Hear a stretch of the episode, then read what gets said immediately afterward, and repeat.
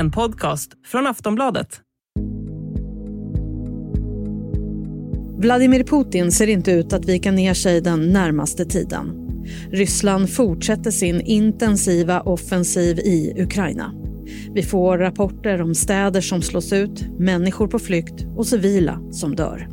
I staden Mariupol vittnar hjälporganisationer om en humanitär katastrof.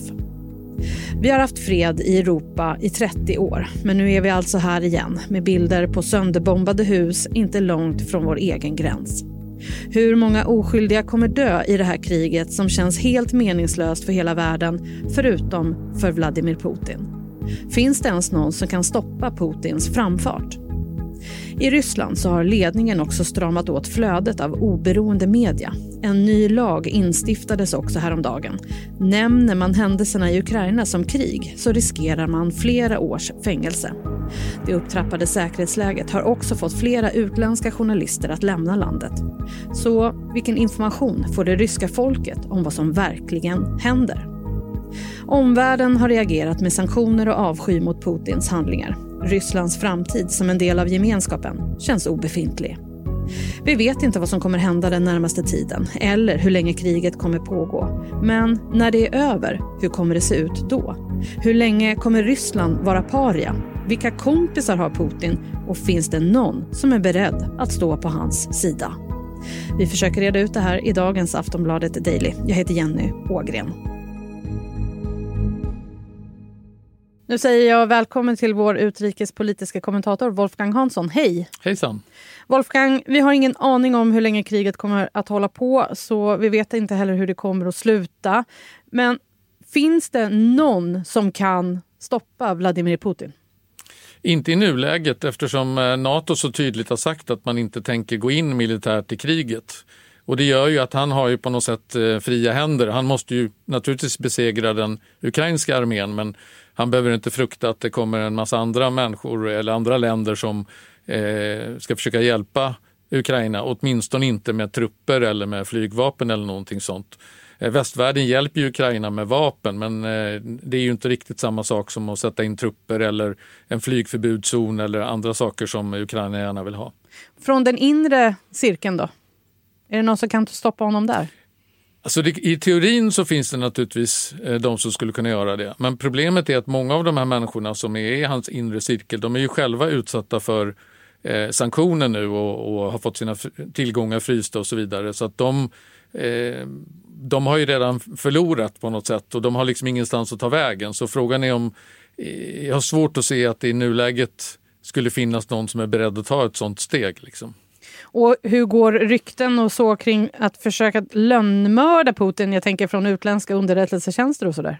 Det är nog ett väldigt mycket önsketänkande tror jag att tänka sig en sån eh, lösning. Därför att eh, Putin är ju väldigt svår att komma åt. Han har ju isolerat sig väldigt mycket de senaste åren på grund av coronapandemin och nu är det klart att han är ju medveten om att han är eh, världens mest jagaste, jagade man på ett sätt. Så att, Eh, Eh, det tror jag blir otroligt svårt och dessutom så är det ju så att om eh, en utländsk underrättelsetjänst skulle försöka mörda Putin och misslyckas så är ju det närmast en krigsförklaring. Och, och, så att jag tror faktiskt inte det är någonting som de har några planer på, även om man säkert har undersökt saken. Men, eh, i helgen så har vi också nåtts av att man i Ryssland nu stoppar i stort sett all fri media, att man inte ens får nämna ordet krig i samband med Ukraina. Hur ser det ut? Vet folk i Ryssland vad som faktiskt pågår? Det är nog många som inte vet det. Därför att de, de här oberoende medierna på ryska, de har ju ändå, så att säga, även om det är en liten del av befolkningen som har läst dem, så har ju de ändå den informationen har ju ändå spritt sig sen via sociala medier och så vidare. Nu har ju stort sett alla de medierna upphört. Plus ska man komma ihåg att många av de ryskspråkiga sändningar, exempelvis Deutsche Welle och BBC som har riktat sig mot uh, rysk publik har, har stoppats uh, och blockerats av Ryssland.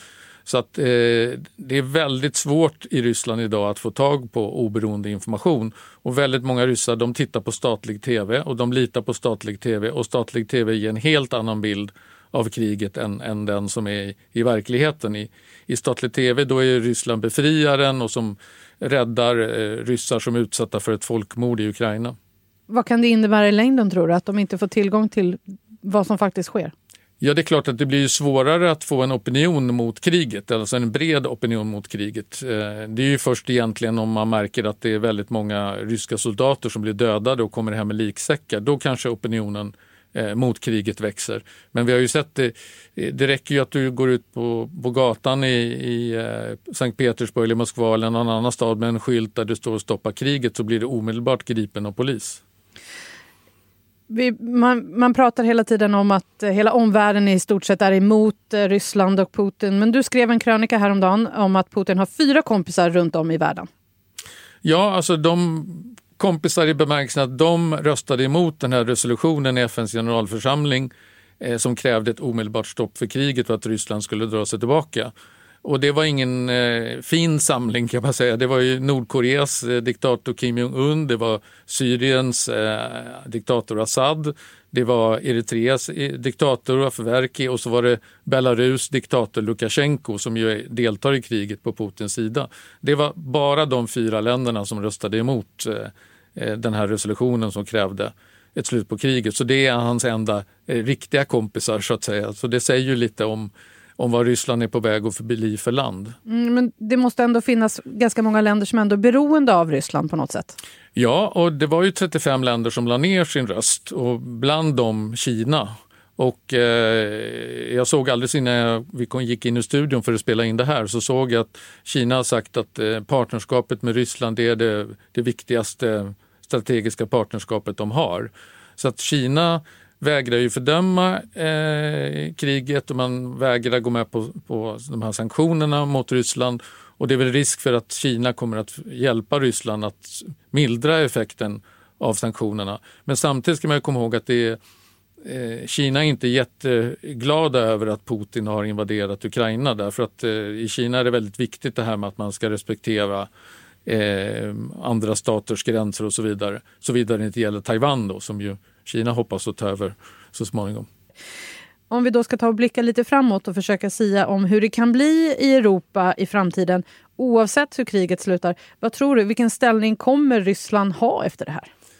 Alltså, Ryssland kommer ju vara ett parialand för väldigt lång tid framöver. Man kommer att vara eh, helt isolerat, åtminstone från eh, Europa och, och, USA och kanske stora delar av övriga världen också.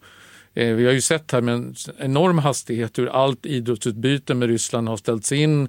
De har blivit bannlysta från alla stora tävlingar, alla tävlingar överhuvudtaget. Liksom.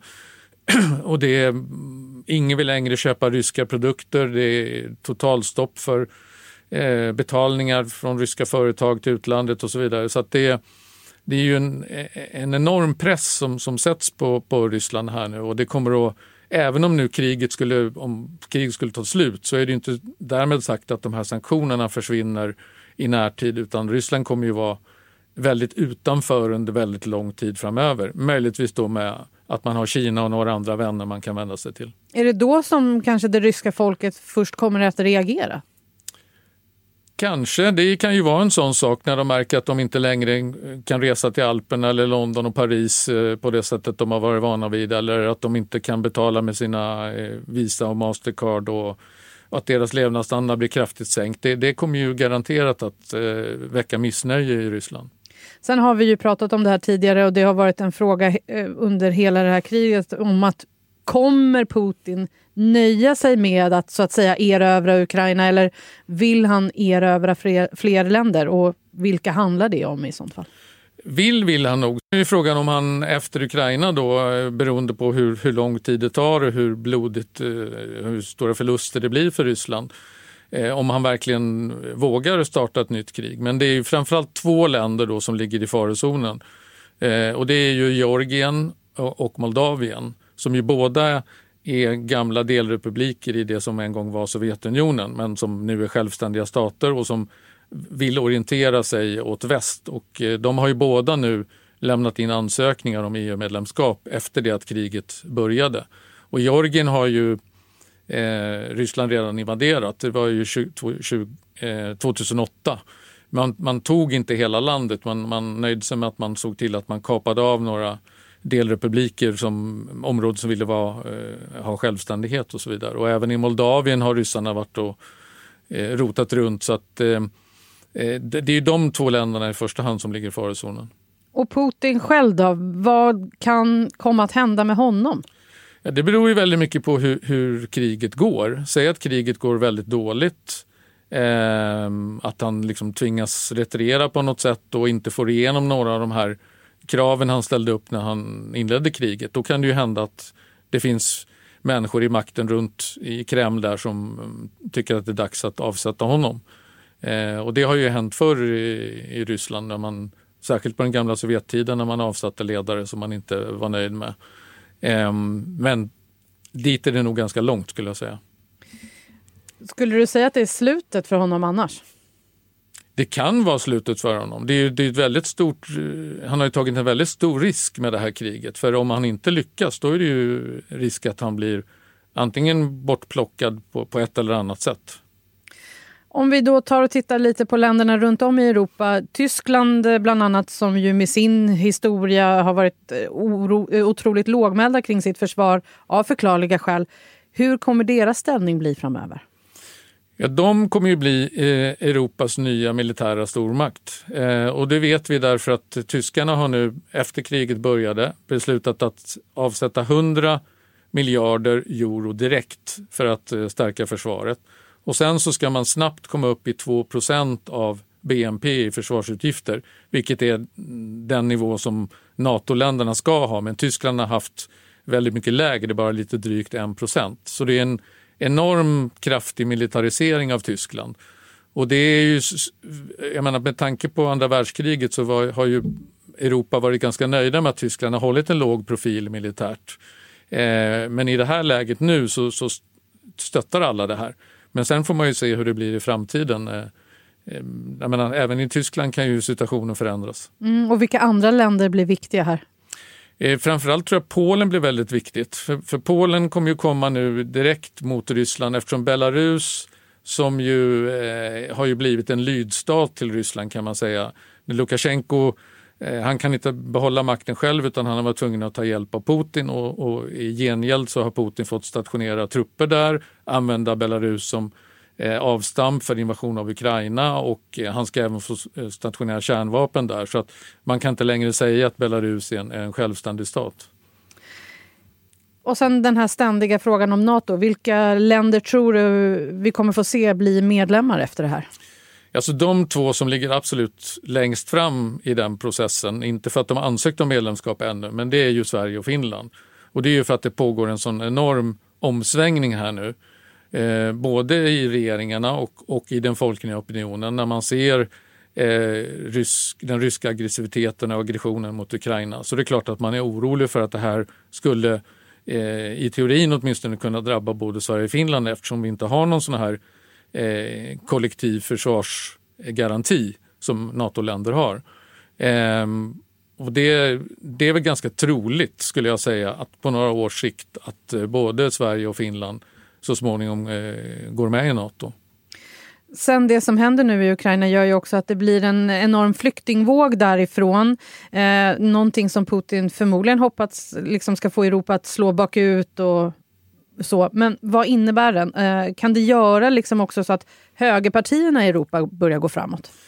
Ja, alltså det vi har sett hittills av den här flyktingströmmen är ju att de har tagits emot väldigt väl. Ett land som Polen som inte ville ta emot några asylsökande överhuvudtaget under flyktingkrisen 2015. Eh, de har ju nu eh, redan tagit emot eh, närmare en miljon ukrainare och de, det finns redan sedan tidigare över en miljon ukrainare som bor i Polen.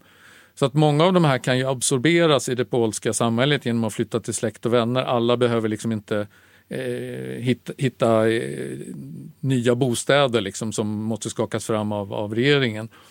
Så att än så länge så har ju det här varit betydligt smidigare än 2015.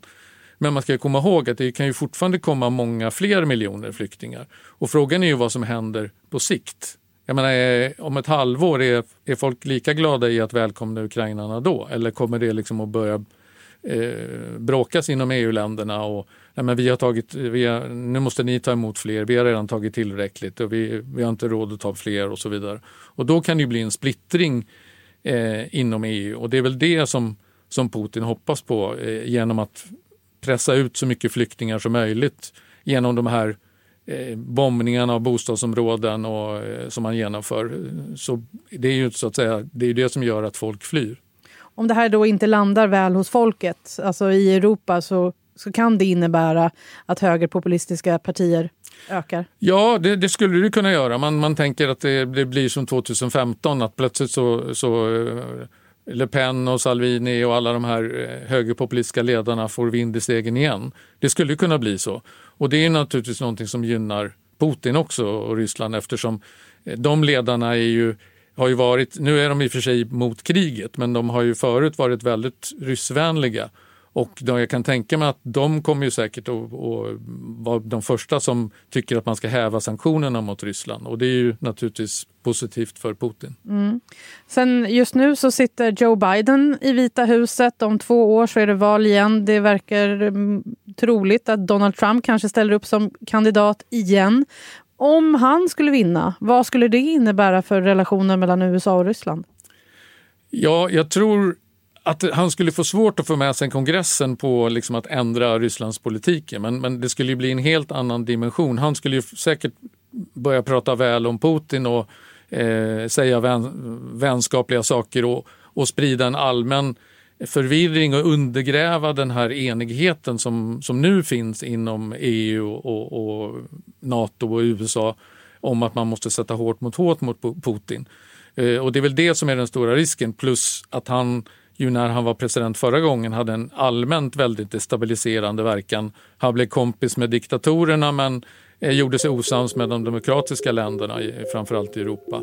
Så att, eh, det är ju en enorm osäkerhetsfaktor ifall han skulle komma tillbaka till makten. Så får du den här lätta frågan nu då, hur tror du Wolfgang att Europa ser ut om fem år? Jag, jag hoppas att eh, det då inte längre pågår något krig i Ukraina att Ukraina fortfarande är en, en fri nation och att vi fortfarande lever i ett fredligt Europa. Men tyvärr finns det inga garantier för att eh, det blir så. Det kan ju också gå åt andra hållet. Tack för idag Wolfgang. Tack. Sist här hörde vi Wolfgang Hansson, vår utrikespolitiska kommentator. Jag heter Jenny Ågren och du har lyssnat på Aftonbladet Daily. Vi hörs snart igen. Hej då.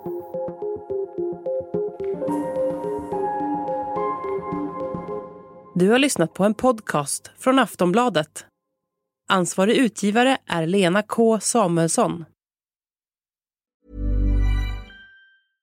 Want flexibility? Take yoga. Want flexibility with your health insurance? Check out United Healthcare Insurance Plans. Underwritten by Golden Rule Insurance Company, they offer flexible, budget friendly medical, dental, and vision coverage that may be right for you. More at uh1.com.